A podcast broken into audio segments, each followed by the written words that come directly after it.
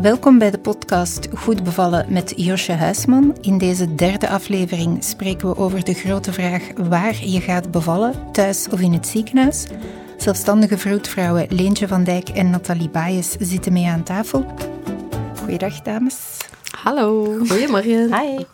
Josje, als goede Nederlandse was het voor jou eigenlijk een, een no-brainer. Een thuisbevalling stond voor jou bovenop je lijstje.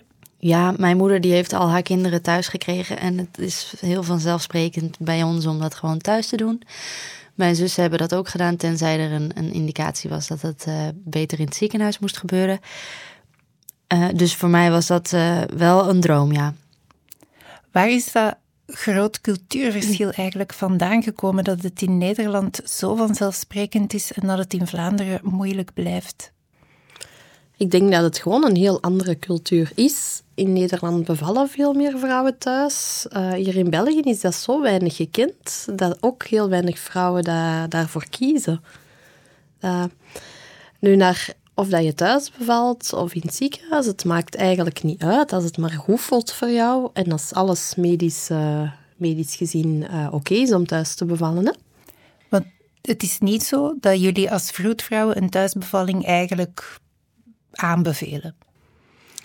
Goh, je bevalt nog altijd het beste waar dat je zelf het fijnste voelt. Hè? En het is niet zo dat een vrouw die, die, die een eerste keer op consultatie komt, meteen moet gaan beslissen waar dat ze gaat bevallen. Vaak is dat ook iets, een, een proces dat wel groeit. Um, maar wij zijn allemaal wel fan van, van een thuisbevalling, omdat we daar net... Een, een, bevalling in, in al zijn, zijn fysiologie, in al zijn normaalheid kunnen gaan zien. Hè? Ja, ik denk dat het zelfs op het moment zelf um, kan je nog zeggen van nou, het voelt goed nu om thuis te blijven. Of oh, de baby is er al bijna, weet je wat, ik blijf hier. Of oh, ik wilde eigenlijk thuis blijven, maar ik voel me misschien toch beter in het ziekenhuis. Let's go. En ik denk dat het aantal thuisbevallingen ook wel minder is. Juist door die angst die we in de vorige podcast ook hebben besproken. Dat mensen denken dat ze veiliger zijn in het ziekenhuis. Maar er is nooit een 100% kansberekening om te zeggen van nou thuis gaat alles goed of in het ziekenhuis gaat alles goed. Het is eh, dat, ja, dat, het kan overal goed gaan of het kan overal misgaan. Je weet het gewoon niet. Dus het moet, het, het moet gewoon een wel, ja, wederom een weloverwogen beslissing zijn. Iets waar je je goed bij voelt en met de begeleiding waar je je fijn bij voelt. Nu, dat last minute voor een thuisbevalling kiezen is toch niet zo evident, want in Vlaanderen zijn er eigenlijk maar weinig vroedvrouwen die het mogen doen, toch? Wij zijn maar met 40 vroedvrouwen dat thuisbevallingen doen. Dus je kan eigenlijk alleen last minute voor een uh, thuisbevalling kiezen als je al bij zo'n vroedvrouw bent. Nu, vrouwen bij ons, die hoeven die keuze absoluut niet te maken. We zien echt heel vaak iemand dat switcht in idee op die moment zelf. Ja, en um, wat misschien toch ook wel de moeite is om te vermelden, is dat, um, dat het heel fijn is dat we kunnen terugvallen op de medische zorg die we hier in dit land hebben, maar dat het ook wel vaak zo is dat je in het ziekenhuis van de ene medische interventie in de andere rolt. En, en um, dat dat ook zijn consequenties heeft, waar je vaak hm. niet bij stilstaat van tevoren. Ja, elke vorm van handelen is eigenlijk ingrijpen in iets dat, dat normaal zou kunnen zijn. Hè? Ik denk dat dat een beetje de kracht is van, van een zelfstandige vroedvrouw die ook gewend is van thuisbevallingen en arbeid te gaan begeleiden. Um, heel goed herkennen uh, wat normaal is in al zijn variaties van normaal zijn. En ook gaan herkennen wanneer dat iets dan niet normaal is en wanneer dat er echt meer medische zorg nodig is en dan ook op tijd te gaan verplaatsen. Um, ja, en ik denk dat misschien ook wel eens een keer de gedachte reist bij mensen dat een, een thuisbevalling of een bevalling met een vroedvrouw super alternatief en super uh, gevaarlijk is, omdat een vroedvrouw uh, risico's zou nemen of zo. Maar dat is helemaal niet zo. Een vroedvrouw is super goed geschoold, super ervaren. Die heeft heus niet alleen maar uh, een, een, een, een, handtasje met een telefoon bij zich, en die heeft een hele kit mee met alles wat, wat je kan gebruiken. Dus het is niet zo dat, dat het ja, onverantwoord zou zijn om met een vroedvrouw thuis te bevallen. Ik denk het grote verschil ligt waarschijnlijk in de sfeerschepping. Dat thuis er een veel huiselijkere sfeer is. Het clichébeeld is zo de bevalling bij kaarslicht in je eigen bad of bed. En dat het er in het ziekenhuis toch allemaal wat klinischer en kouder aan toe gaat. Is dat ook het belangrijkste verschil? Um, volgens mij is dat niet, zo, niet echt het belangrijkste verschil. Ik denk dat het grootste verschil zit in die één op één begeleiding. Um, een vertrouwenspersoon bij u die al langer kent dan het moment van de bevalling zelf. Als je thuis bent, is het u, een van uw vertrouwde vroedvrouwen die daar bij u thuis komt. Je kent elkaar, je hebt een vertrouwensrelatie opgebouwd. Um, als je in het ziekenhuis aankomt, er werken zoveel uh, vroedvrouwen in het ziekenhuis. En ik vind het heel knap hoe heel veel uh, vroedvrouwen dat kunnen, die in een ziekenhuis werken, om binnen de vijf minuten dat er een vrouw in arbeid binnenkomt, die vertrouwensband te gaan proberen te creëren. Maar het is toch nog een heel ander gegeven dan wanneer uh, je individueel begeleid bent geweest doorheen de zwangerschap. Is dat ook jouw aanvoelen, Josje, als ervaringsdeskundige? Ja, omdat het natuurlijk het, het, het, het klinkt een beetje zo van, ah ja, nou oké, als ik dan uh, een kaarsje aanzet en ik ben lekker thuis, dan, uh, dan gaat het allemaal beter. Maar het is inderdaad, dat is een beetje te kort door de bocht. Ik begrijp de aanname wel en het is ook een belangrijk verschil. Maar het is inderdaad wat Nathalie zegt, de begeleiding en de mensen die je om je heen hebt, is vrij cruciaal omdat als je inderdaad in het ziekenhuis aankomt, iedereen doet keihard zijn best, iedereen is goed geschoold, maar feit blijft.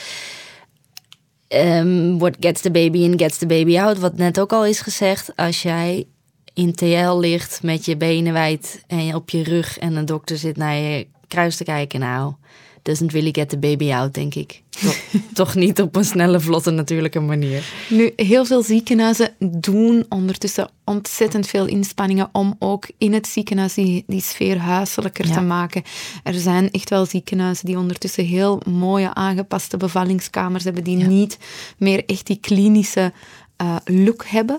Uh, maar dan nog heb je niet die één op één begeleiding. Iemand zijn dienst is gedaan en er komt weer een nieuw vreemd gezicht de kamer binnen. Um, of de ene vroedvrouw is bezig met een andere vrouw, met een andere bevalling, en opnieuw een nieuw gezicht in die kamer. En dat doet hormonaal ook ontzettend veel, waardoor dat die bevalling gewoon vertraagd zou kunnen worden. Um. Ik vind dat eigenlijk wel een straffe uitspraak. Willen jullie nu zeggen dat het verschil in plaats, dus thuis of in het ziekenhuis, eigenlijk minder belangrijk is dan het verschil in het gezicht rond jou? Dat het echt gewoon een vertrouwd gezicht moet zijn in plaats van een vreemde dokter? Um, niet zozeer. Wat daar straks al gezegd is, dat het heel belangrijk is dat je als vrouw een plek kiest om te gaan bevallen waar dat jij je het meest op, gemak, op je gemak voelt. Um, maar ik ben er wel van overtuigd dat die vertrouwensrelatie um, in de zorgverlener, in de personen die bij u zijn op dat moment, wel een heel belangrijk verschil kan maken. Ja.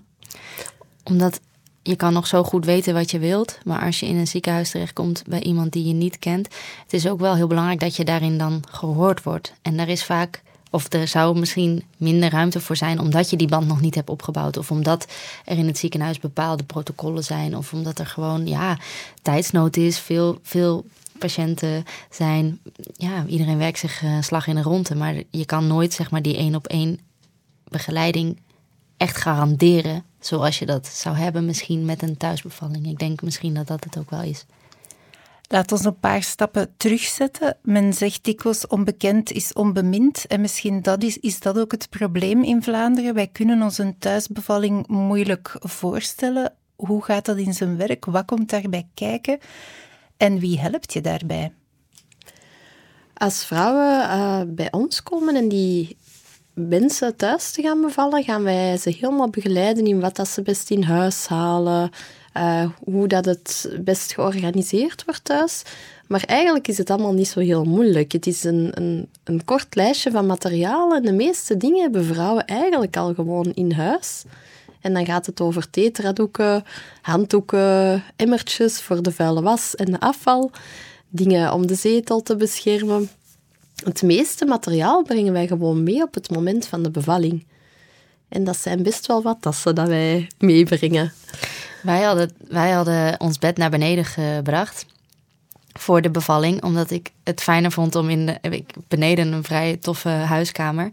En die hebben we toen veranderd in een soort bevalkamer met een bed. En we hadden een badje neergezet. En, en ik had dan ook nog mijn yogamatje. En het was gewoon een hele knusse ruimte geworden waarin ik een soort ja, toertje kon doen door de kamer. Uh, ik ben niet echt. Uh, ja, ik ben ook wel op de zetel geweest. Maar wat je. Ja, het is een beetje moeilijk voor te stellen. Omdat je denkt als je gaat bevallen, je ligt op een bed en dan komt de baby er vanzelf uit. Maar eigenlijk is dat niet zo, want je wordt s'nachts wakker en je voelt beweging in je buik van, oh, volgens mij beginnen de, de, de weeën nu en je begint een beetje wat te eten of rond te lopen. Eigenlijk gebeurt er niet zoveel. Mijn moeder vertelde bijvoorbeeld van, nou, ik was nog een hele pan soep aan het koken toen het uh, was begonnen, want ja, het duurt wel even, weet je. Dus het is gewoon, het is ook een beetje afwachten. En dat doe je het liefst gewoon in zo'n relax mogelijke omgeving. Want je kan niks doen. Er is niet echt iets dat je kan doen. Het is toch een kwestie van wachten een beetje. En als je wil dat het vooruit gaat, is het vooral zo min mogelijk doen. En uh, blijven ademen. En dan ja, dan worden die weeën intenser. En en dan ga je misschien eens uh, in je bad zitten. Of je gaat eens onder de douche. En dan ga je eens op je matje zitten. En dan je bed. In Nederland, mijn zus die had van die klossen gekregen. Zodat er bed verhoogd kon worden. Um, zodat als de vroedvrouw komt, dat ze makkelijker haar handelingen kan doen zonder uh, een hernia te krijgen. Maar in België heb je volgens mij geen klossen. We hadden sowieso een heel hoog bed. En ik ben eigenlijk niet eens op het bed geweest, weet ik nog wel. Ja, ik heb er tegen aangeleund. Dus ja, dat is een beetje visueel wat er eh, gebeurt bij een thuisbevalling, denk ik. Een bevalling is van alle dingen die in het leven gebeuren ook niet een van de properste dingen. Wie ruimt achteraf de rotzooi op, om het zo te zeggen? Ik vind echt, als je kijkt hoeveel afval een bevalling met zich meebrengt in het ziekenhuis versus thuis in het ziekenhuis naar linnen en zijn dat vaak heel er zakken vol. Um, ik denk dat wij makkelijk met een klein, een klein emmertje, een klein emmertje toekomen en dan een paar, een paar doeken misschien. Um, maar eigenlijk helemaal niet veel afvallen. Als een vrouw bevalt in bad, helemaal top, want dan blijft alles mooi in bad. Maar mensen hebben daar een heel plastische visualisatie bij, terwijl dat, dat eigenlijk echt heel goed meevalt. Leentje, toch? Ja, zeker en vast. Wij, wij hebben echt niet veel op te ruimen vaak. In, in, in je kraampakket, als je een natuurlijk kraampakket kiest ook trouwens, waarin dus producten zitten zonder te veel chemische toestanden, daar zitten ook zo van die matjes in. En die kan je dan bijvoorbeeld op je matras leggen of op je yogamatje en die vangt dan het vocht op. Dat gaat over ja, het aantal vuile lakens dat geproduceerd wordt, maar dat is niet de bevallen moeder dat dat moet opkuisen. Dat zijn de vrouwen dat het doen. Nee, voordat wij vertrekken van elke thuisbevalling zorgen wij dat het afval netjes weg is, dat uh, het, het bevuild linnen, als dat er al zou zijn, dat dat in, in de wasmachine steekt en ja, is alles gewoon proper en netjes. Ja, wij gaan echt pas naar huis als alles aan kant staat, als mama en papa samen in bed of in de zetel liggen, als ze lekker iets voor te eten en te drinken hebben en als ze helemaal uh, zich goed voelen. De nageboorte bij een thuisbevalling, wat doen jullie met de placenta? In de blender. Uh, dat hangt helemaal van de keuze van de, van de ouders af. We zien in praktijk dat heel veel ouders die gewoon wegdoen. Dat we die wel laten zien en dat ze er een fotootje van trekken en dat die dan gewoon uh, bij de afval gaat. Um, er zijn ook ouders die kiezen om een boompje daarop te planten of capsules ervan te laten maken, maar dat is iedereen zijn keuze. nou, uh, dit is dus iets waar ik helemaal nul van af wist voordat ik zwanger was. Wat ik dus ook in mijn boek heb beschreven, dat er ook heel veel opties zijn en dat zo een placenta gewoon een heel nieuw orgaan is dat groeit terwijl je zwanger bent. Ik had daar nooit zo bij, bij stilgestaan eigenlijk. En ook um, ja, dat dat soms wel eventjes duurt voordat dat komt. Dat kan makkelijk drie kwartier duren, toch? Ja. En um, ik wilde ook wel weten wat je er allemaal mee kon doen. Dus dat staat mooi netjes opgelijst in het boek ook. En ik heb er uh, zelf capsules van laten maken. En een afdruk. Maar dat, dat was eigenlijk een verrassingscadeautje, want dat was niet per se op aanvraag, maar is wel heel mooi gelukt. Creatief met placenta. Ja. ik denk dat er gewoon heel veel verschillende culturen zijn ook. En daar wilde ik in mijn boek ook naar kijken. Kijk, wij hebben onze cultuur van, nou ja, je gooit het gewoon weg. Maar er zijn ook heel veel mensen, en dat heeft misschien niet eens altijd met cultuur te maken, maar die er een bepaalde, ja, um, waarde aan hechten of een bepaald soort ceremonie aan willen wijden en die het gewoon heel iets spiritueel bijna vinden. Van oké, sommige ehm, culturen zien ze het als het broertje of zusje van, van, van de baby. En ja, ik weet niet, ik vond het wel de moeite om daar ook eens naar te kijken. Als je het dan toch over uh, geïnformeerde keuzes hebt, dan hoort dit er ook bij. Ja, we hebben daar net ook over het aspect veiligheid gesproken bij een thuisbevalling al. Dat dat in principe bij een bevalling die natuurlijk verloopt even goed is als in het ziekenhuis. Maar wat als er dan toch die grote onverwachte complicatie optreedt? Hebben jullie een ambulance op stand-by? Of... Wij houden sowieso een heel grote risicoselectie aan. Dat wil zeggen dat niet iedere vrouw zomaar kan thuis bevallen. Dus er mag echt helemaal niks aan de hand zijn tijdens de zwangerschap of niks dat we verwachten naar de bevalling toe. Nu, tijdens het moment van de geboorte zelf, omdat wij er heel de tijd bij zijn, kunnen we eigenlijk heel goed intunen op of dingen goed lopen of niet. En in de meeste gevallen zijn wij heel vlotjes in het ziekenhuis voordat de problemen zich voordoen. Voor alle onverwachte problemen hebben wij een heel grote kit bij, met veel materiaal dat wij zeer zelden gebruiken. Gelukkig. Ja, eigenlijk komt erop neer dat wij zowel mama als baby stabiel krijgen en kunnen houden totdat, er, totdat we in het ziekenhuis zijn. Hè. Als er echt iets ernstig mis is, wat eigenlijk overeenkomt hier in België met de tijd dat je vaak nodig hebt in ziekenhuizen. Um, als je bijvoorbeeld s'nachts bevalt en er is geen gynaecoloog op dienst, dat die gynaecoloog of die kinderarts gebeld moet worden. Ik denk dat die termijn hetzelfde is tegen dat wij eventueel echt moeten gaan verplaatsen met een ambulance, is er al een kinderarts en een gynaecoloog ook op weg en komen we vaak samen aan in het ziekenhuis. Uh, maar gelukkig gebeurt dat eigenlijk heel zelden. Um, je kan ook gewoon zelf met de auto naar het ziekenhuis gaan. Je hoeft niet per se met de ambulance. Nee, hangt er ook vanaf van hoe, welke urgentie het is. Hè? Ja. Een andere onverwachte omstandigheid dat kan optreden tijdens een bevalling is dat de weeën eigenlijk stilvallen. In het ziekenhuis gaat men dan snel een spuitje weeënopwekkend middel bijgeven. Wat doen jullie bij een thuisbevalling?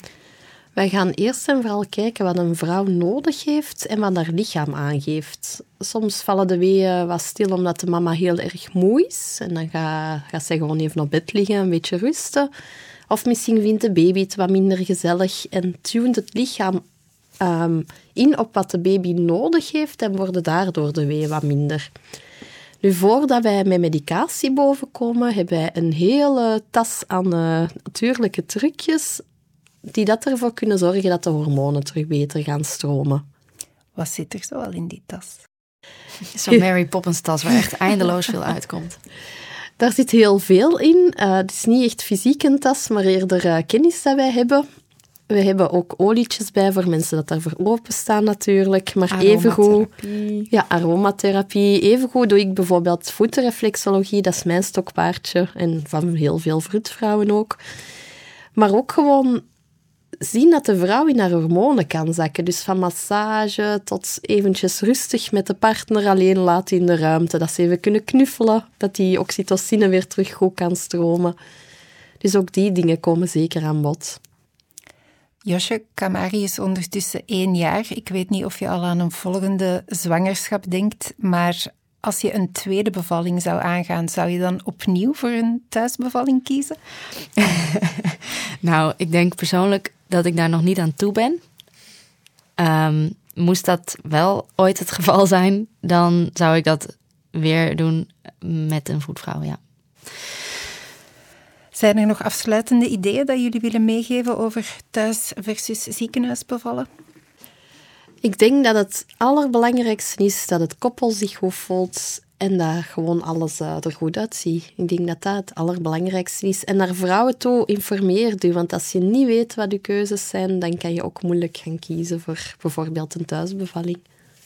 En informeren kan dus bijvoorbeeld met het boek van Josje Huisman Goed bevallen, uitgegeven bij Van Halewijk, een onderdeel van Pelkmans Uitgevers.